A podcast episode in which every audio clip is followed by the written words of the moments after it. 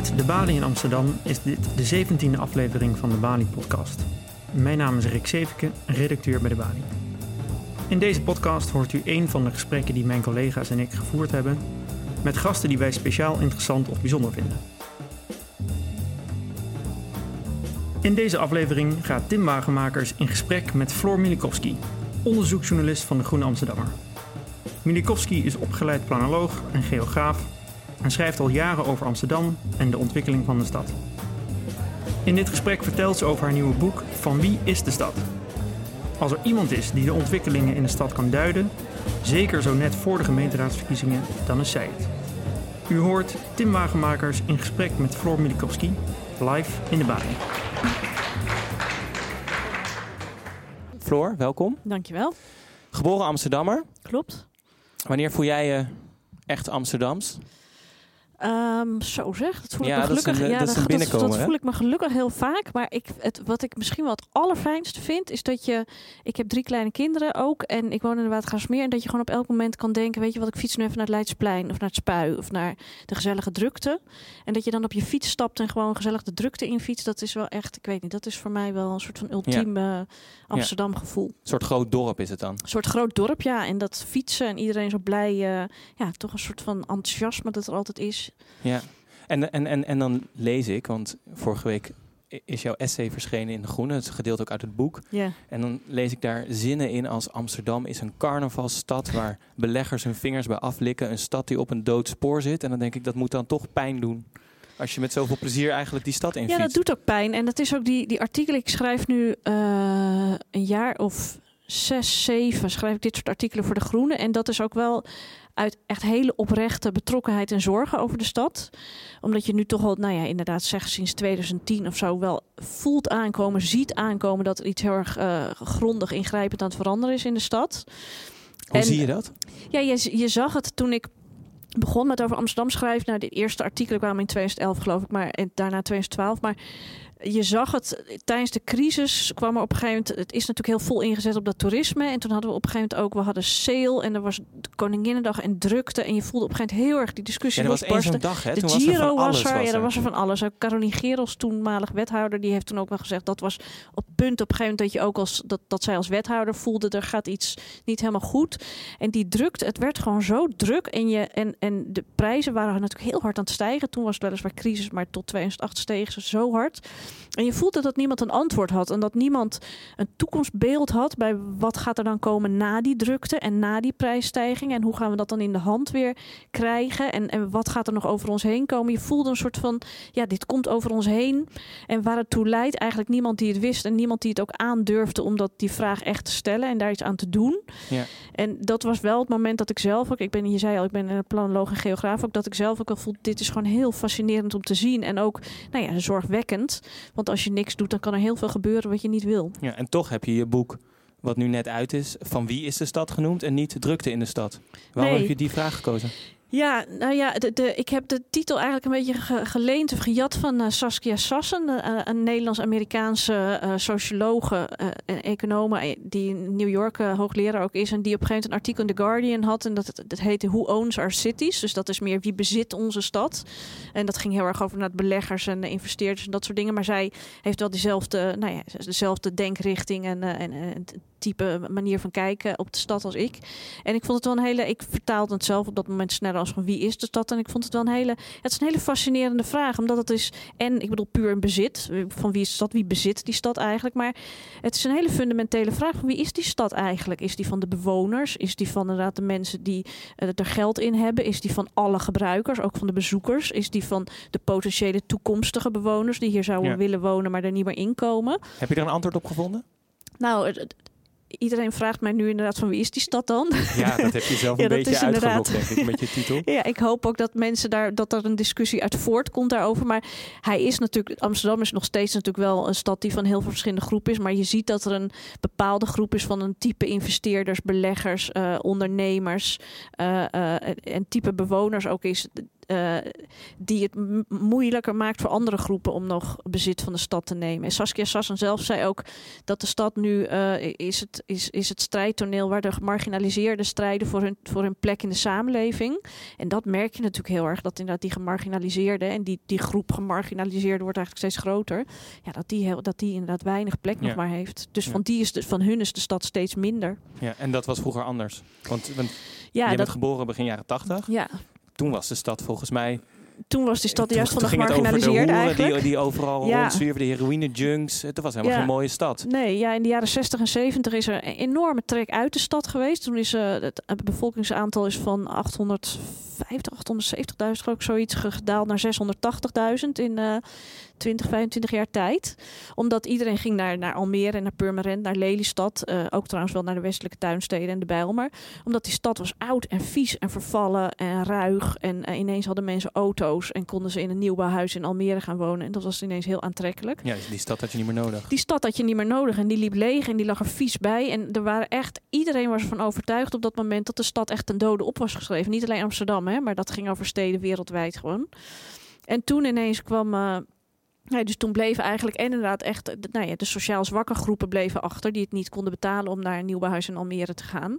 En eh nou ja, het soort van bohemiense kunstenaars, kunstenaars, wetenschappers en dat soort figuren. En, en, en krakers, die juist dachten, dat is hartstikke leuk in de stad, bij de boekwinkels en bij interessante mensen en Ja. bij eh, ontmoetingsplaatsen. En eh daar viel ineens van alles te beleven. Ja, want eigenlijk beschrijf jij een traject, hè? Want, want het, het zijn die kunstenaars die de stad vervolgens gemaakt hebben, misschien wel. En, en, en ook die mensen die weinig geld hadden, die de stad hebben gemaakt tot wat nu is. En ik las in jouw essay dat jij zei dat we eigenlijk nu aan het eind van die route zitten. Ja, Wat bedoel je daarmee? Nou ja, er is toen destijds in de jaren, begin jaren tachtig, is een heel bewuste. Er kwam ineens, werd duidelijk dat er misschien toch in die stad wel weer iets ging gebeuren. Dat begon een beetje zo begin jaren tachtig door te dringen. Dat was echt de eerste artikelen over gentrification begonnen toen ook te verschijnen. Nou, de, de wetenschappers die dat toen schreven, die werden ook uitgelachen van waar heb je het over? Dat Ja. mensen bewuster voor kiezen om in de stad te blijven wonen. Dat was echt totaal niet, eh, sloot dat aan bij de heersende gedachten over de stad. En toen is er op een gegeven moment, kwam er een hele nieuwe economie. We gingen van de industriële economie naar een diensteneconomie. Ehm, en we hadden een trek naar de stad tegelijkertijd. En mensen, die stad kreeg een heel nieuwe functie van ontmoetingsplaats. En eh, eh, eh, inderdaad met allemaal culturele voorzieningen die weer opbloeiden. En werkgelegenheid die daar juist naartoe trok. En toen heeft het gemeentebestuur hier in Amsterdam heel bewust ervoor gekozen... om die stad eigenlijk klaar te maken voor die nieuwe economie en voor die nieuwe populatie. En dat was ongeveer halverwege jaren 90. Ja, nee, begin jaren 80 begon Ja, dat oh, eigenlijk. is dat echt al ja. ingezet. En dat is toen, ja, vanaf begin jaren 90 is dat heel erg zichtbaar ook geworden. Maar dat begon al veel eerder. Inderdaad, door ruimte te maken voor particuliere investeringen en, eh, en, en, en eh, bedrijven naar de, Amst- naar de stad te trekken. Het besluiten voor de Zuidas is toen eh, in die periode ook genomen. Van er moest een plek komen waar die kantoren kwamen. Nou, Ja. Toen was eerst het idee dat de kantoren moesten aan de Piet Heinkade gaan komen. Aan het ei. Dat had het gemeentebestuur bes- bedacht. En toen kwam ABN AMRO en die wilde een nieuw hoofdkantoor bouwen. En die zeiden, wij willen dat niet. En toen zei het gemeentebestuur, prima, dat mag aan de Piet Heinkade. En die wilde langs de snelweg. Ja, die, en precies. Want toen was het idee nog, ja, kantoren willen in de stad zitten. Dus dat is handig. Maar die ABN AMRO zei, nee, we Ja. willen de Zuidas hebben. Want dat is dicht bij Schiphol. Het is aan de snelweg, het is aan het spoor. Daar moeten we wezen. En toen Het is heeft eigenlijk een heel illustratief moment van hoe een bedrijf Precies, blijkbaar het ja. gemeentebestuur ergens Inderdaad, toe. die hebben toen echt, daar is echt een, eh, hele, nee, hele ruzie over geweest. En toen heeft op een gegeven moment heeft inderdaad ABN AMRO tegen de gemeente gezegd van weet je, anders gaan we toch lekker naar Rotterdam. En toen heeft het gemeentebestuur inderdaad bakzeil gehaald en gezegd nou eh, oké, als jullie per se de Zuidas willen, dan wordt het de Zuidas.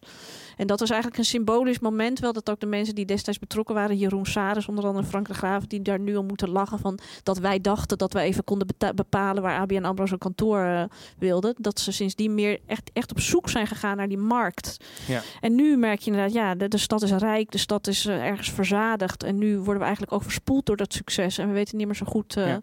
Hoe we daarmee om moeten gaan. Nou ja, het is interessant, want we zitten nu net voor de gemeenteraadsverkiezingen. Ja. Dus mensen zitten heel erg in hun maag met... Iedereen voelt ook wel dat er iets veranderd is Ja. met die stad. En, en, en iemand moet daar een antwoord op geven. En het is interessant, want jij maakt je ook heel druk over wat het huidige college heeft gedaan. Terwijl je eigenlijk zegt dat het al heel lang aan de gang is. De, dus hoe moeten we luisteren naar de politici nu tijdens de gemeenteraadscampagne volgens jou die elkaar verwijten maken over de afgelopen vier jaar, plannen maken? Hoe luister jij daarnaar?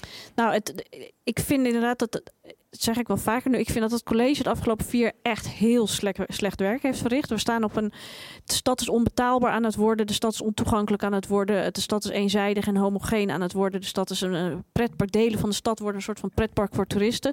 Dat betekent dat je hele ingrijpende maatregelen zou moeten durven nemen, in ieder geval als je vindt dat dat nodig is. Dat je heel duidelijk moet weten wat je wil zijn als stad. Want als je de markt gewoon zijn werk laat doen, dan bepaalt de markt wat voor stad je wordt. En iedereen zegt, nu we alle politici zeggen, nee, we willen een diverse, ja. toegankelijke, inclusieve stad zijn. Maar daar is zeker de afgelopen vier jaar totaal niet naar gehandeld. En er zijn eh, VVD en deze, of, nou, D66 en SP hebben elkaar alleen maar in de haren gezeten. Uh, over middenhuur bijvoorbeeld, betaalbare Ja, dat is het woord van de campagne geworden. Ja, hè? De, de D66 heeft vier, heeft vier jaar geleden een hele campagne bijna gevoerd rondom het betaalbare woning voor het middensegment.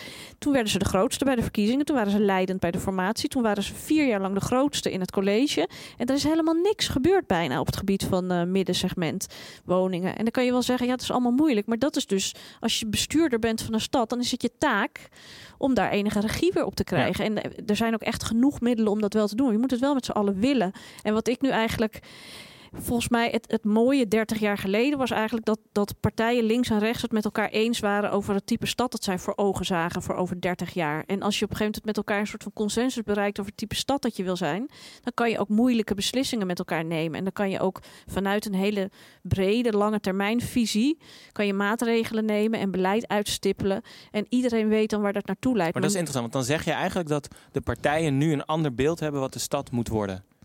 Ja, ik denk niet dat er. Nou, ik denk iedereen zegt inclusief stad, maar ik denk dat niemand, en dat is misschien niet alleen het probleem nu van de Amsterdamse situatie en de Amsterdamse politiek, maar überhaupt dat wij ons niet zo heel goed meer als samenleving, als trouwens als hele wereldbevolking misschien, dat weet ik niet, of in ieder geval westerse samenleving, niet meer zo goed kunnen voorstellen wat er nu komt na de hoogtijdagen van de jaren 90 en jaren 0.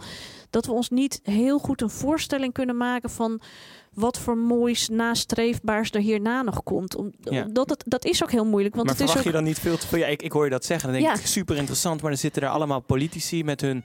Als je in de gemeenteraad zit, heb je nog een baan ernaast. En die moeten dus dan maar even de oplossing uit gaan zitten vogelen voor Amsterdam. Nee, dat is helemaal niet. En dat, weet, je wat het, weet je wat zo zonde is? Amsterdam heeft nu 840, 850.000 inwoners. Een enorm uh, intellectuele, slimme, hoogopgeleide populatie deels. Trouwens ook niet de hoogopgeleide. Ik bedoel, laat dat duidelijk zijn. Die heeft een hele grote toegevoegde waarde. Maar er zijn mensen met zoveel ideeën en kennis uh, en expertise over wat voor, hoe je verder zou kunnen met de stad. En je merkt nu wat mij heel erg stoort, is dat die gemeente keert zichzelf steeds meer naar binnen. En dat is zowel het gemeentebestuur als het ambtenarenapparaat. Merk je dat dat deels uit angst en paniek, omdat niemand goed weet een antwoord op die oplossingen heeft. En iedereen voelt zich aangevallen of zoiets. En iedereen staat tegenover elkaar. Waar zie je dat concreet? Dat zij steeds meer naar binnen keren? Nou, je ziet, je ziet inderdaad bijvoorbeeld dat het ambtenarenapparaat... dat die ambtenaren die mogen helemaal niet meer praten met niemand... en die mogen niet openlijk hun mening geven over gemeentebeleid. Want die, bel jij natuurlijk voor je stukken. Die spreek ik vaak. En ik merk dat het sinds nu een half jaar of zoiets... is het steeds moeilijker om ze te spreken. Want het is ze heel duidelijk gemaakt aan de hand van een nieuwe gedragscode... dat ze niet met buitenstaanders mogen praten. Uh, ze mogen ook, ze kwamen vaak in dingen in de balie of de zwijger of dat soort dingen kwamen ze vaak om mee te praten. Dat mag ook steeds minder, mag bijna niet. Omdat iedereen ja, zo bang is inderdaad om negatief uh, in het daglicht te komen. In een negatief daglicht te komen. Dat en door die angst krijg je gewoon geen open debat. Terwijl je zou zeggen, als je al die kennis en ideeën van, van, van iedereen die er iets mee zou willen, als je daar gewoon samen iets van probeert te maken, dan kom je er echt wel. Ik bedoel, daar ben ik van. Er, is, er zijn nog geen problemen geweest uh, in die zin. Maar hoe, krijgen we dat, hoe kunnen we dat eraf krijgen? Want ik, ik organiseer ook avonden. En ja. degene die natuurlijk komen naar stadsgesprekken over de stad, dat zijn de mensen die ergens een, terecht een probleem mee hebben. En die willen horen hoe we dat gaan oplossen. Maar er ligt natuurlijk een soort deken van.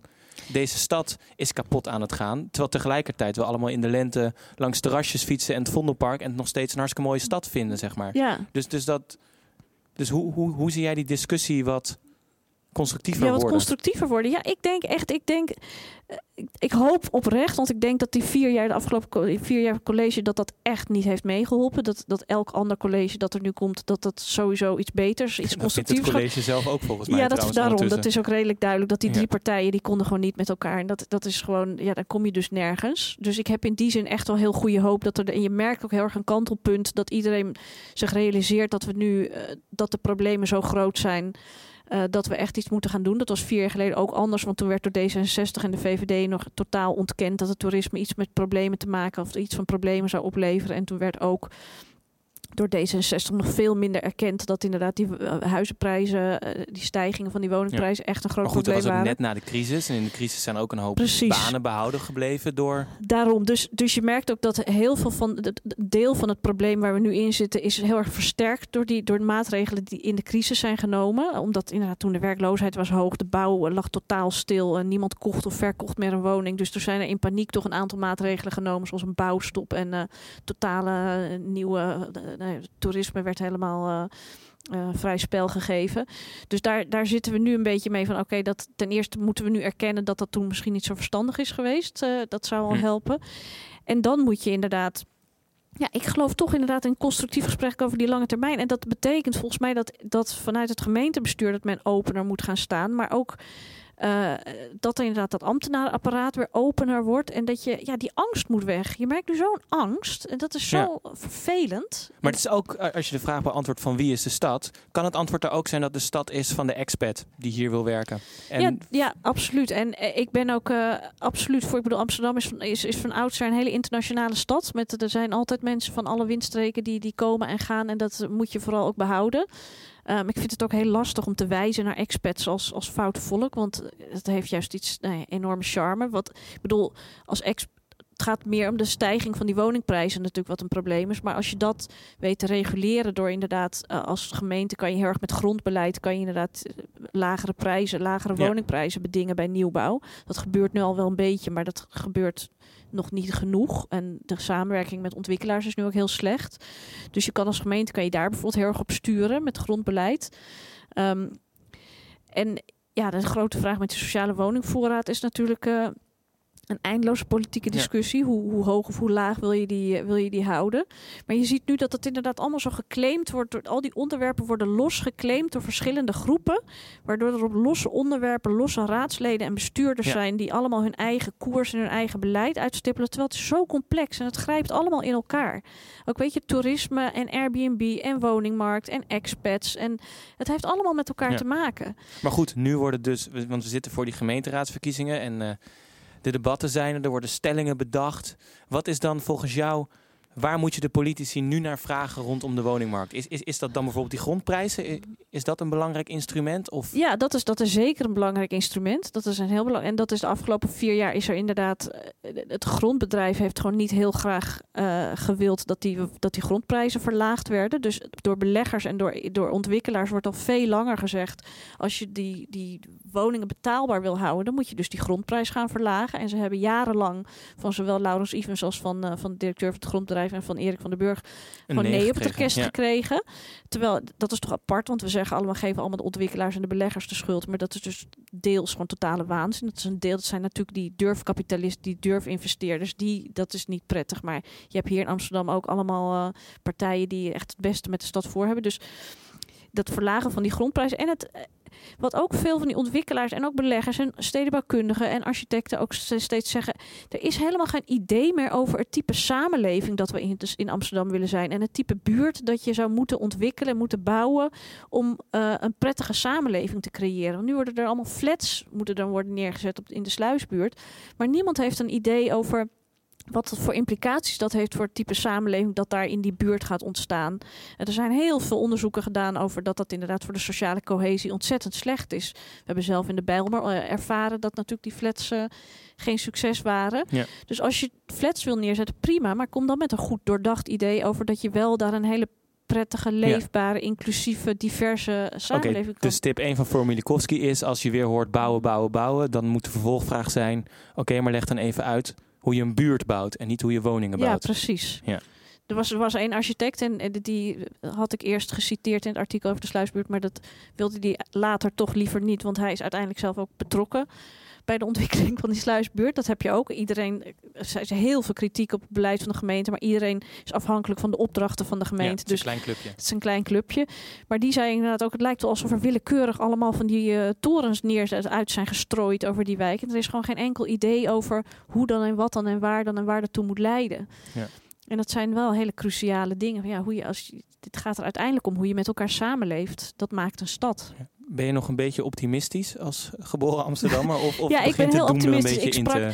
Ja, een van de eerste interviews die ik, die ik hield in 2012 voor een serie die ik toen voor De Groene schreef, dat was met Els Iping, voormalig stadsdeelvoorzitter in het centrum. En die zei toen ook, weet je, Amsterdammers zijn zo betrokken in, met, bij hun stad dat hier altijd uiteindelijk de wal het schip keert.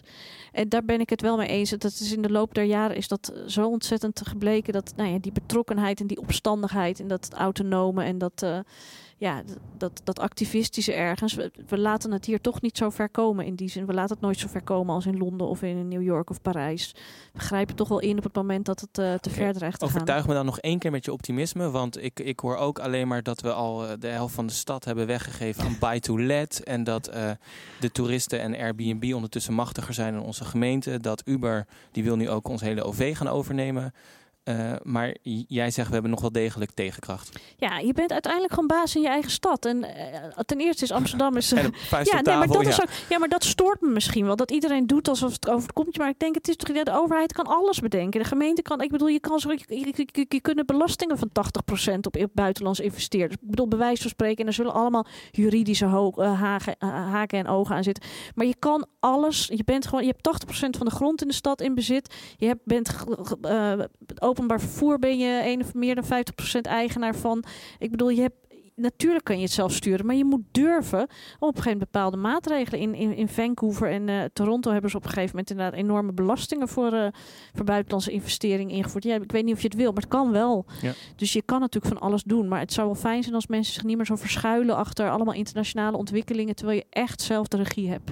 En als je het dan over die koers hebt, want die, die nieuwe koers die Amsterdam moet gaan voeren om weer die regie terug te pakken. Wat moet dan volgens jou het onderliggende set van waarden zijn? Ja, ik hoop dus heel erg. Ik ben natuurlijk ontzettend benieuwd, want eh, niemand heeft echt zicht op wat de verkiezingen gaan brengen. Maar ik hoop heel erg dat het nieuwe college in ieder geval, eh, voordat ze op papier gewoon allemaal concrete afspraken gaan maken over concrete beleidsthema's, dat ze het aandurven om met elkaar de eerste weken in gesprek te gaan over de stad die ze voor ogen zien. En je merkt nu, ik bedoel alleen al middenhuur, dat is zo'n dingetje. Iedereen heeft het over middenhuur en elke partij bedoelt daar iets anders mee, weet je. En dat, dat, dat kan je gewoon niet, dat, dat slaat gewoon nergens op. Dan kom je gewoon nergens. Dus als je nou met z'n allen in ieder geval, in ieder geval echt eens bent over waar je naartoe aan het werken bent, wat voor doel je voor ogen hebt en, en hoe je die stad inderdaad voor je ziet, ja, dan lijkt het me heel interessant op basis daarvan een aantal hele concrete beleidsmaatregelen. Maar dan volgens mij kan je dan ook, dan vind je ook weer steun, eh, veel meer steun bij de bevolking, omdat die dan zien waar je met z'n allen mee bezig bent. Ik weet, Frank de Graven, die was wethouder inderdaad. Hij heeft nu ook het verkiezingsprogramma geschreven. heeft het verkiezingsprogramma Ja, van, de VVD. En die is natuurlijk minister geweest en Tweede Kamerlid heel lang. Maar ook eh, hier wethouder en raadslid in de, in de jaren 80, 90 geweest.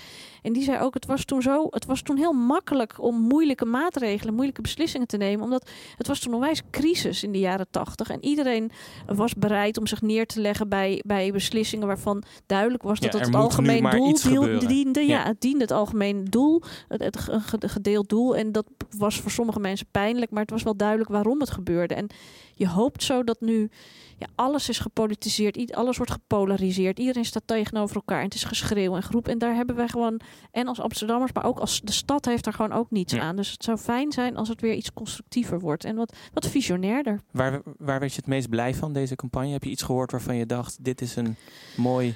Ja, nou, het, het, het- eigenlijk word ik überhaupt wel blij met de campagne. Want allemaal dingen die ik vijf jaar geleden opschreef... en waarvan mensen zeiden dat het totale waanzin was. Zoals ja, inderdaad de- waarzegger, je nu, ja. Ja, nee, ja, ik, ik ben heel blij om te merken dat het besef gewoon bij alle partijen is doorgedrongen. Dat inderdaad die betaalbaarheid van, van woningen en die toenemende homogeniteit en die, eh, de impact van het massatoerisme in de stad, dat dat serieuze problemen zijn. Dus in die zin word ik wel blij met de campagne dat partijen elkaar nu aan het overschreeuwen zijn met, met, met maatregelen om het allemaal een beetje in Nu, te nu kunnen dammen. we er iets aan gaan doen. Ja, ja. precies. En tot slot, want je boek is dus net uit. Dus eh, nou, ik hoop dat heel veel mensen het gaan lezen. Maar als je nou één persoon zou mogen kiezen, misschien van de gemeente, die echt jouw boek moet lezen, die je echt zou aanraden van hier moet je nou mee aan de slag. Oh, dat is wel interessant, ja. Ehm, het gek is natuurlijk dat het college gaat wisselen. Dus dat is lastig, want we weten niet wie daarin komt. Maar eh, Jos Gadet, misschien bij jullie niet bekend, maar bij een deel van de luisteraars misschien wel. Hij is, hij is planoloog bij de gemeente. Een machtige planoloog in denkwijze bij de gemeente. Ja, Is het de ambtenaren hebben het toch... eh, totaal ja. niet met mij eens. Dat laat hij ook vaak weten, terwijl we vaak goede gesprekken hebben. Maar ik hoop dat mijn boek hem een beetje kan overtuigen met dat er ook iets anders is dan Richard Florida en eh, Edward Glazer en Jane Jacobs en eh, Moratti. En welke slotgedachten moet hij er dan uithalen? je moet durven nadenken over hoe het ook anders zou kunnen. Nou, laten we dat vooral gaan doen. Ehm, ik ben in ieder geval heel blij dat je ons hierop wijst al heel veel jaren. En, en, en dat er blijkbaar mensen zijn die langzamerhand gaan luisteren. En eh, we gaan het zien. Ik wil je heel hartelijk danken, Floor Milikowski. Graag gedaan.